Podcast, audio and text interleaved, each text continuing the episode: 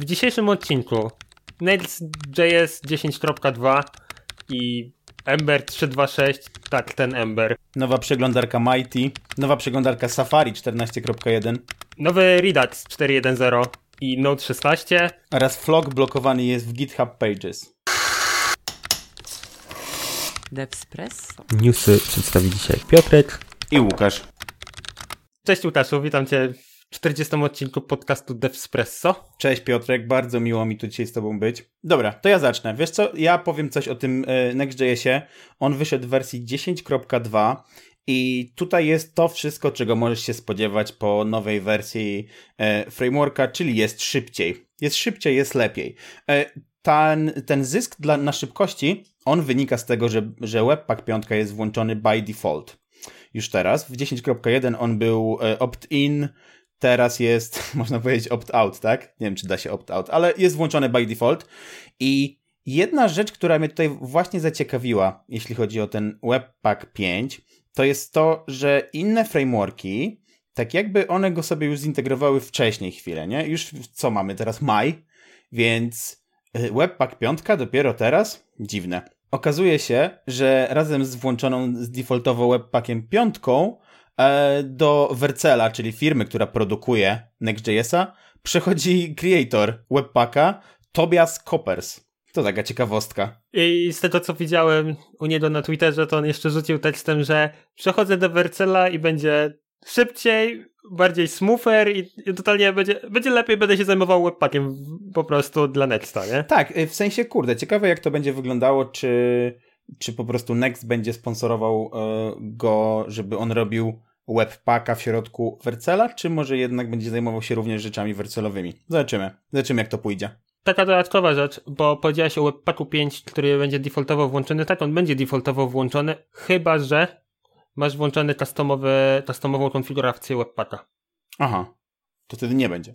Wtedy nie będzie trzeba wtedy flagą go uruchomić. Okej, okay, okej. Okay. Oprócz tego jeszcze w Nexcie, oprócz tych y, webpackowych rzeczy i performance'owych rzeczy, mamy jakieś improvementsy do accessibility i mamy coś, co, mm, co pomaga nam redirectować strony na podstawie e, flagi has.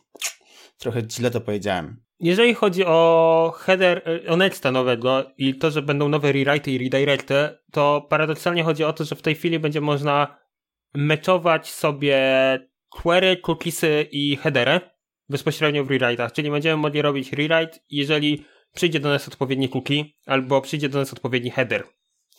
I wtedy robiony jest redirect. W innym przypadku tego redirecta może nie być, nie? Mhm. Ta, ta, ta dodatkowa rzecz. I jedna z rzeczy, która mi się bardzo podoba, to to, że będą automatyczne optymalizacje dla webfontów. I na razie jest to tylko dla fontów Google'a, ale ej! Ale to tak, no, jasne, miło, miło w ogóle, że, że dla Google'a, że są automatyczne, nie? Nic nie trzeba robić. No, jakby to po prostu robimy e, style i elo, działa. Mhm. To tyle, jeśli chodzi o Next.jsa 10.2. Jak jesteśmy przy Nextie, czyli przy frameworku, to nie wiem, czy to kojarzysz, ale tak dobre prawie 10 lat temu powstał taki fajny framework, który się nazywa Ember. Nie, wiesz co, jak ja zobaczyłem nazwę Ember, to skojarzyło mi się z Elder, e, czyli z frameworkiem do Svelte, ale to nie jest to samo. To nie jest to samo. Ember był, był jest e, frameworkiem do web developmentu, ale co ciekawe, Ember właśnie powstał w tym 2012 roku, jak dobrze pamiętam. Mhm, czyli coś jak wtedy, Angular. Kiedy. Coś jak Angular, mhm. dokładnie. I teraz jazda jest taka, że Ember był naprawdę fajnym frameworkiem. Eee, był dużo fajniejszy niż Angular, niż od samego początku, więc utworzyła się wokół niego wielka społeczność. Później oczywiście powstał React, Vue, teraz jeszcze mm. Svelte mamy. To można powiedzieć, że teraz już Gimby nie znają. Teraz trochę Gimby nie znają Embera, a Ember był naprawdę fajny. No i mamy rok 2021, a Ember wydaje nową wersję. O, okej. Okay najbardziej mi się podoba, może zacznę od najważniejszej rzeczy, czyli ile Ember 3.26 wnosi feature'ów. Ile? Całe zero. Zero feature'ów? Jest napisane normalnie z Ember.js, bo nowy Ember jako całość, e, jako mm, wersja wprowadza zmiany do trzech elementów. Do Ember.jsa, do Ember Data i do Ember CLI. Ember Data to taka nakładka do pobierania danych. No i właśnie przy Ember.jsie, czyli tym głównym frameworku jest napisane features. Ember 3.26 introduced zero features. I nic więcej, nie? Nie ma nowych featuresów, elo. Naprawiliśmy 5 bugów. I te 5 bugów głównie jest związanych z routerem. Ale to w ogóle miło widzieć, że, e, że coś, co było kiedyś popularne, mam, mam nadzieję, że, było popularne, skoro o tym mówimy. Ty mówisz, że było, więc ja ci wierzę, że dalej e, robią do tego bugfixy. Tak, to bardzo miło. Robią bugfixy, a dla ciekawskich jeszcze dodatkowo w marcu była konferencja Embera. I teraz sobie, i teraz sobie wyobrażam e, ten taki kłębek siana lecący przez pustynię. No, tak, tak może się wydawać, ale nie, no. Ember ma naprawdę dużą, dużą społeczność i to jest właśnie ciekawe, że taki framework, który powstał w 2012 roku, ma swoich zwolenników. Jasne, część z nich pewnie pisze część w Reactie. Widziałem nawet już połączenia Ember plus React, nie? Gdzie po prostu masz Embera jako taki, powiedzmy, backend frontendowy i Reacta do pokazywania treści JSX-owych. Więc ktoś co łączy, mhm. zaczynamy łączyć światy. To samo dzisiaj widziałem też z Closure'em. Closure Script. Kojarzysz język? Ja, słyszałem nazwę. No, słyszałeś nazwę, nie? I najlepsze jest to, że ktoś stworzył Closure Script for React. Mhm. I normalnie piszesz w Closure Scriptie wszystko i są normalnie później elementy Reacta. To może zróbmy tak, zapraszamy wszystkich y, słuchaczy, żeby skomentowali pod odcinkiem, czy oni kojarzą Embera, czy coś pisali w Emberze. I może, chyba, może powinniśmy już zamknąć ten temat. Ja przejdę teraz zwinnie do kolejnego tematu, którym jest nowa przeglądarka, a tak naprawdę to nowy koncept, powiedzmy, y, jak, co to, czym jest przeglądarka. Bo to mi się kojarzy z czymś, e, na przykład ze stadią od Google'a, nie? To jest podobny koncept. I już wyjaśniam. Przeglądarka nazywa się Mighty i e, ma to polegać na tym, że ja mam u siebie na kompie klienta przeglądarki Mighty, ale obliczenia, e, które przeglądarka wykonuje, mają się wykonywać w chmurze u nich na serwerach i do mnie ma przychodzić coś jak powiedzmy właśnie streamowany experience przeglądarkowy. Brzmi to e, fajnie, brzmi to zachęcająco do niektórych zastosowań, jak na przykład, no nie wiem, Figma długo się ładuje, e, Google Docsy, one się bardzo długo ładują często. Mm, I to nie zależy tylko od, twojego prędko, od twojej prędkości łącza, ale to też zależy od twojego kompa, po prostu. Od tego, że to musi wykonać dużo obliczeń u ciebie na komputerze. E, więc producenci przeglądarki Mighty, która jest jeszcze nawet nie w becie, tylko to jest po prostu request access. I ja zarequestowałem access, ale jeszcze nie mam. Oni mówią właśnie, że te serwery żyją oh, blisko tych serwerów, które e, są u Google'a czy gdzieś tam i że ten latency jest jeszcze mniejszy niż między twoim, twoim komputerem a serwerami Google'a i dzięki temu, że oni mają super dobre komputery, to to wszystko będzie działać bardzo dobrze. E, mówią o tym, że będzie używać 10 razy mniej pamięci niż Google Chrome, że będzie blasting fast, e, blazing fast performance i tak dalej. Co ty o tym myślisz, Piotr? Ja, jakby, mi się bardzo podoba ten koncept. Ja też zrobiłem request access, kliknąłem tak, chcę, chcę to sprawdzić.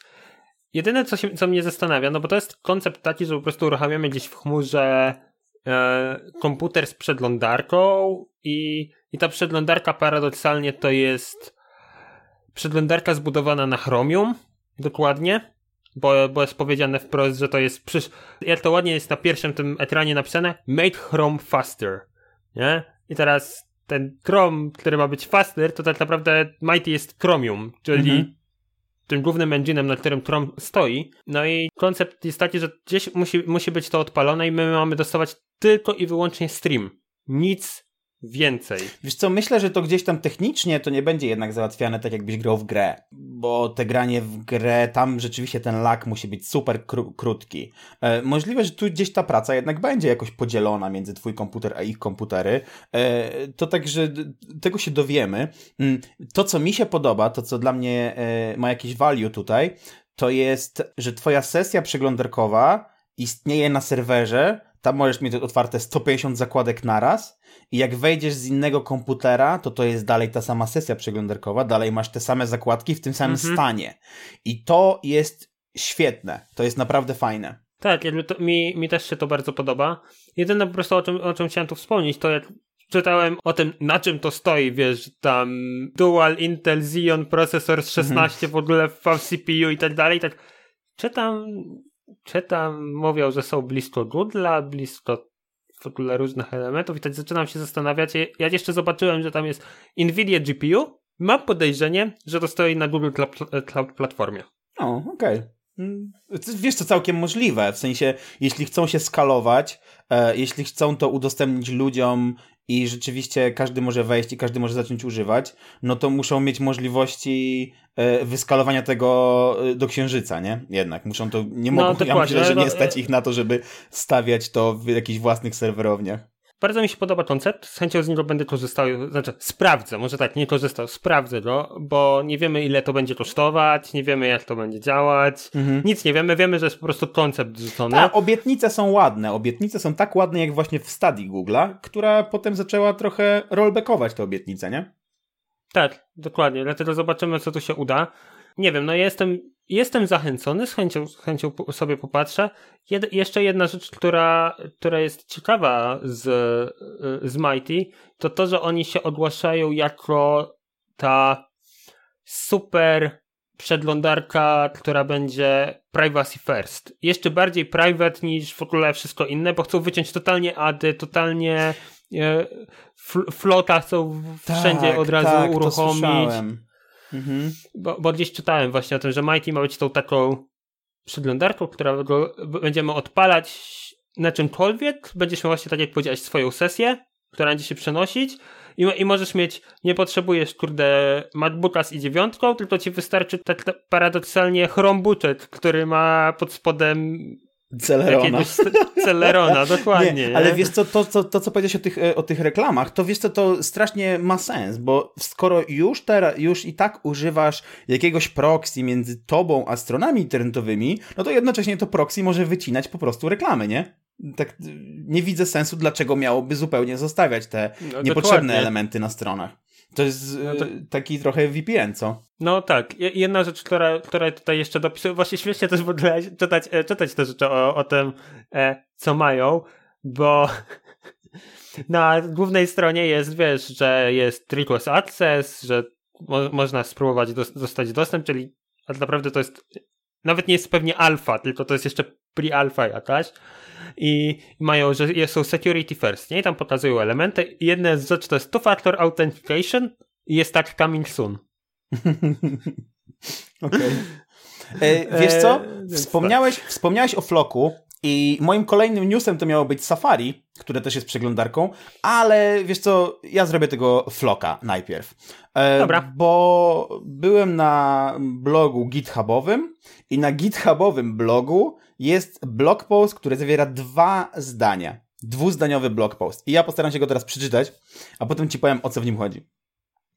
All GitHub Pages uh, sites server served from the GitHub IO domain will not have a permission policy interset cohort równe nawiasiki, mhm. header.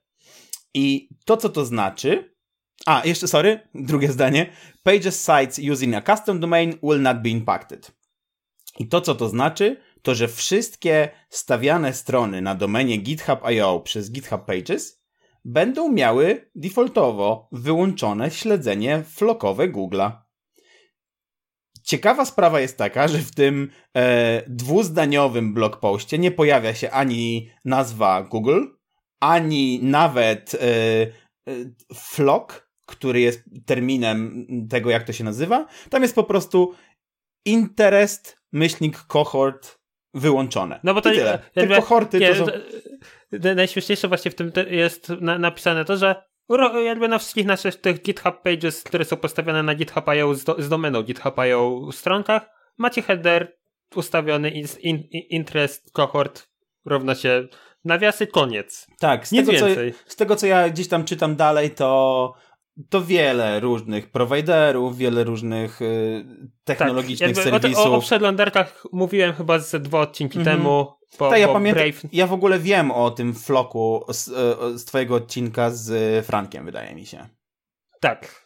No. tak. No to tyle, jeśli chodzi o GitHuba. GitHub y, podąża znowu ścieżką wyłączania niepotrzebnych rzeczy i wyłączył floka. Świetnie. A teraz przejdę do tego Safari 14.1. I wyszło nowe Safari. Ono ma kilka bardzo drobnych zmian. Jedna zmiana, o którą się ciebie chciałem zapytać, bo ty jesteś takim mm, CSS magiciem, jak dla mnie. Co to są gapsy we Flexboxie, które Safari właśnie uruchomiło, zaimplementowało? I czemu nie było ich wcześniej? I czy one wcześniej były w innych przeglądarkach? Flexbox i Gap. Flexbox posiadał Gapa. Jakby może nie we wszystkich od razu przeglądarkach, jak to weszło do języka, ale oczywiście normalnie istniał w samym języku CSS-owym. I Safari, właśnie tak jak powiedziałeś, ostatnio dorzuciło do, do swojego całego WebKita obsługę Gapa dla Flexboxa. Dla, dla, dla Flexboxa działa na tej samej zasadzie jak Gap, który działa dla Drida, czy też dla multikolumny. Czyli w momencie, kiedy ustawiamy sobie ko konkretną pozycję w parencie, że na przykład ma być to flex e, jako display. display. Tak, nie, nie pozycja, tylko display, tak. E, display flex, to mówimy na przykład, że gap ma być, nie wiem, jeden rem na przykład, no to wtedy pomiędzy każdym z elementów, od każdej strony, od góry, od dołu e, i z boku, będzie miał gap. Jedynie te strajne elementy, które są jakby przy samym stroju parenta, no nie będą miały po tych strajnych miejscach gapa, nie? Mhm. Czyli nie, nie ja działa byłem, to jak margin, ja tylko to działa jak margin, to działa jak margin tylko dla elementów bardzo wewnętrznych, nie? To dla działa jak taki margin, który trzeba samemu napisać, yy, widząc, gdzie element jest umiejscowiony yy, w parencie. Dokładnie, a działa po prostu z automatu i on sobie sam ładnie to wycina. Ja wyobrażam i... sobie, że taki, że taki margin można było zaimplementować, dając yy, minusowy margin na parencie, a plusowy margin na każdym, na każdym childrenie. I to odpowiednio matematycznie dostosować i wtedy to by zachowywało się w podobny sposób. E, tak. Ja byłem zdziwiony w ogóle, że zobaczyłem taką informację, że Safari dodało gapa do Flexboxa i, do te, I jeszcze słysząc o tym, że gap to we Flexboxie był zupełnie od zawsze, bo korzystając y, z jakichś takich Flexboxowych playgroundów, kiedyś jak się uczyłem, ja tam nigdy nie widziałem gapa ja sądziłem, że czegoś takiego nie ma, ale i że, albo że to jest coś zupełnie nowego. Z tego, co mówisz, to już jest od dawna. Jeszcze jest kilka innych improvementów w Safari 14.1. Nie będę ich jakoś tutaj teraz przedstawiał. Ważne, że Safari 14.1 wyszło. Wraz z nowym systemem tak naprawdę, z całym macOSem, więc mnóstwo różnych elementów się dodało, poprawki do różnych API. Jeżeli ktoś pisze rzeczy dla Safari, sprawdźcie sobie. WebKit naprawdę tutaj się poprawia jedna rzecz ciekawa, ciekawostka, taka jak mówiliśmy też o Mighty, no. to przy WebKicie powstaje przeglądarka, która jest totalnie WebKitowa, ale nie jest to Safari. Mhm. I się nazywa Orion. Okej. Okay. Warto sobie też, też zobaczyć. Jest, je, I ją paradoksalnie można już ściągnąć. Tych przeglądarek to ostatnio jest dużo mi trochę głowa no, trochę paruje od, od, ilości tych przeglądarek i że to już nie wygląda tak, że, że mamy pięć przeglądarek i wszystkie pięć przeglądarek jest w miarę popularnych, tylko teraz mamy 20 przeglądarek i 10 z nich jest w miarę popularnych, nie? Tak, ale wszystkie w sumie bazują... Pewnie Chrome ma z 70% tortu, ale, ale mimo wszystko słychać te inne nazwy cały czas gdzieś tam w... Będzie słychać, ale musisz pamiętać o tym, że nadal pod spodem to są rzeczy to Chromium. trzy, które są nam znane, Chromium, czyli V8, WebKit i Firefox, który ma własny engine. Aha, okay. Koniec. Mhm. Jasne. Więc dla nas jako web deweloperów nie, niewiele się tu zmienia, nie? Kończąc tematy przeglądarkowe, czas wrócić do programowania, takiego stricte programowania JS-owego. Nowy Redux. Redux w wersji 4.1 jest mniejszy, bardziej zoptymalizowany, czyli to, czego by się oczekiwał. W samym changelogu jest trochę rzeczy poopisywanych, w tym na przykład to, że teraz error message może być bardziej lepiej wyekstrahowany, dodali parę improvementów w to, w jaki dispatchowane są tak naprawdę te, y, te erory dla, do użytkownika. Więc to fajnie. Fajnie, że jest, bo cieszę się bardzo. Mhm. To, to zmniejszenie, zmniejszenie rozmiaru rzeczywiście, rzeczywiście może fajnie wpłynąć i pomóc, nie? Bo e, Redux jednak jest z wielki. tego co widzę, to nie właśnie nie jest mały. Nie jest mały. Bo I jak na, to... jak na lipkę tylko i wyłącznie do state managementu, plus jeszcze zauważmy to, że Reduxa nigdy nie używasz samego, nie? Nigdy. Tak, nie spotkałem się z samym Reduxem. On tam zawsze dochodzi. Saga, nie? On tam zawsze dochodzi z trzema albo czterema, czterema dodatkowymi bibliotekami. Więc, e, więc konceptualnie ja myślę, że my jako deweloperzy, my traktujemy Reduxa nie jako bibliotekę, tylko jako sposób myślenia, jako jakiś taki powiedzmy abstrakt nad state managementem, a tak naprawdę to jest zbiór czterech różnych bibliotek, które trochę ważą. No, to prawda. No i sam Redux, jeżeli chodzi o jego zmniejszenie, to e, z wersji, w wersji 4.1, czyli tej nowej, cały package, który jest już totalnie zbandlowany, jeszcze zgiezetowany, zlipsowany, to to uwaga, ta minimalna wersja z 2,3 KB zmieniła się do 1.6. Czyli aż o 1 KB udało im się uciąć. Mhm. To, to będzie jakieś 30%? Trochę no, więcej. coś takiego. Trochę więcej, no. Mhm. Nie, bardzo ładne, bardzo ładne ucięcie. Ja cieszę się bardzo, bo sam osobiście korzystam często z Reduxa i, i to jest jeden z elementów, który jak otwieram sobie Webpack Bundler Analyzer, to jest taki, wiesz, on fajnie tak pokazuje ci mapę i masz takiego wielkiego Reduxa mhm. wystawionego. Zaraz, zaraz, zaraz obu, obok w nexcie dokumentu, nie? JS-owego. Mhm. Świetnie to wygląda. Note. I teraz uwaga, kiedyś dawno śmieliśmy się o tym, że Node to ciągle 15 tropka coś, 15 tropka, nie wiem, 1, 15.1.2, ciągle mieliśmy te update'y Node'a 15. Mhm. Uwaga, Node ogłosił, że wychodzi Node 16. Wiesz co? I teraz tak, zdziwię cię, bo to, to na dzisiaj to nie jest już aż taki news. To wyszło już jakiś czas temu i ja byłem bardzo zdziwiony, jak um, stawiałem ostatnio Dokuzaurusa u siebie na jakimś starym serwerze. Potrzebowałem wystawić na szybko jakieś, jakieś dokumentacje. I ten Dokuzaurus, ja tam miałem Noda, nie wiem, ósemkę czy coś. I ten Dokuzaurus, jak ja y, zrobiłem y, yarn install, to on mi krzyknął, ej, sorry, masz za starego Noda, nie mogę cię zainstalować. No okej, okay, no spoko. Y, robię ten Node y, version jak to się Node Version Manager? NVM. VNM, NVM, no. NVM, tak. I on mi instaluje najnowszego Noda. Wychodzi, że jest szesnastka. Wow! I, I to już właśnie mnie spotkało ponad tydzień temu. Także jeszcze w podcaście o tym nie mówiliśmy, także przejmij pałeczkę. Chciałem ci tylko powiedzieć, że to była chyba jedna z pierwszych moich yy, takich przygód, że instaluję coś i nagle widzę, że jest dużo nowsza wersja niż jestem przygotowany na to, nie? Ja myślę, myślę sobie, ja nie wiem, czy Dokusaurus cię pociągnie, w sensie Note 16? No, tak, to więc mamy Note 16 i w tej chwili on jak korzystasz z NVM, no to właśnie on tam ładnie pokazuje te aliasy, które jest stable, LTS, current i tak dalej. 16 jest w tej chwili w tym ustawiona jako alias current, więc 15 w tej chwili jest e, e, tak naprawdę LTS-em. Mhm. I co ciekawe, Note 16 e, będzie w karencie przez następne 6 miesięcy, a następnie zostanie wrzucony jako LTS. I, I dokładnie wtedy, to się stanie. Co wtedy będzie karentem? No właśnie. Kolejny Note. Dla przypomnienia, e, Note 12 wychodzi, e, znaczy ma swój support tego e, LTS-owego aż do kwietnia 2022 Note 14 utrzymuje support do kwietnia 2023, a Note 10 przechodzi w stan End of Life w kwietniu tego roku. Czyli z końcem Czyli tego miesiąca już, tak naprawdę. już przeszedł do Właściwie już przeszedł, tak. Tak. Tak, bo jak wy to słyszycie, to jest już mój, tak. I co nowego w e, nowym Node? Pamiętasz jak mówiłeś o V8 w wersji 9? V8, V9, tak.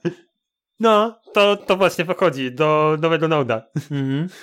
To jest jedna z tych elementów. Kolejna rzecz to w tej chwili API, które było do timerów, które było oparte o promisy, jest w wersji stable, czyli nie trzeba robić promis promisify'a na, na timerze, żeby mieć z niego promis, tylko mhm. po prostu jest już do, do tego oddzielna API.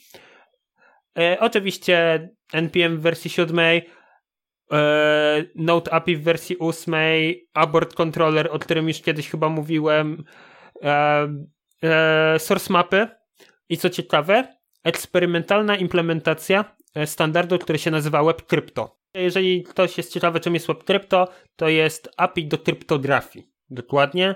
Więc będzie można robić enkrypcję, dekrypcję, generację, weryfikację hashów bezpośrednio w Node. Więc mhm. to, to jest bardzo fajne. I na razie to jest tylko eksperymentalna implementacja. Jeżeli chodzi o ciekawszą rzecz, która mnie zdziwiła, to Node 16 wprowadza nowy kompilator.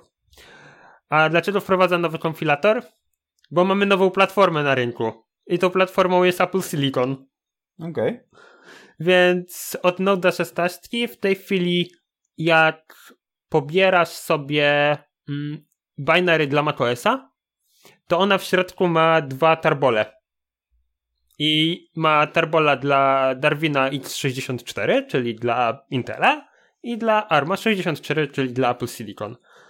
I najśmieszniejsze w tym wszystkim jest to, że jak się instaluje przez NVMe, no to on wie, którego tarbola ma ściągnąć, bo, bo na, w samym e, serwisie nodowym jest normalnie dla macOSa, jak wejdziesz, to masz w tej chwili trzy opcje. Ściągnij wszystko, w sensie taki pakiet podwójny, albo tylko dla Intela, albo tylko dla yy, tylko dla ARMA. Bardzo fajne, bardzo fajnie, że, że im się to udało. Z ciekawszych rzeczy ten kompilator podbił wersję GCC dla Linuxa. Mhm. Więc to też taka, taka ciekawostka, że jakby kompilator dla całego Node'a został zmieniony po to, żeby wesprzeć nową platformę i żeby dostosować się do nowych rzeczy, które są też w Linuxie. No, więc tak. Ciekawe, e, ja jeszcze nie zainstalowałem Node 16, bo ostatnio walczę z rzeczami na pomiędzy Nodem 14 a 15.1.4 z tego co pamiętam, więc nawet, na, nawet nie chcę wchodzić w Node 16, bo to zaraz będzie będzie problem. Dobra, to słuchaj, dzięki Łukasz w takim razie. Node jest naszym ostatnim tematem na dzisiaj.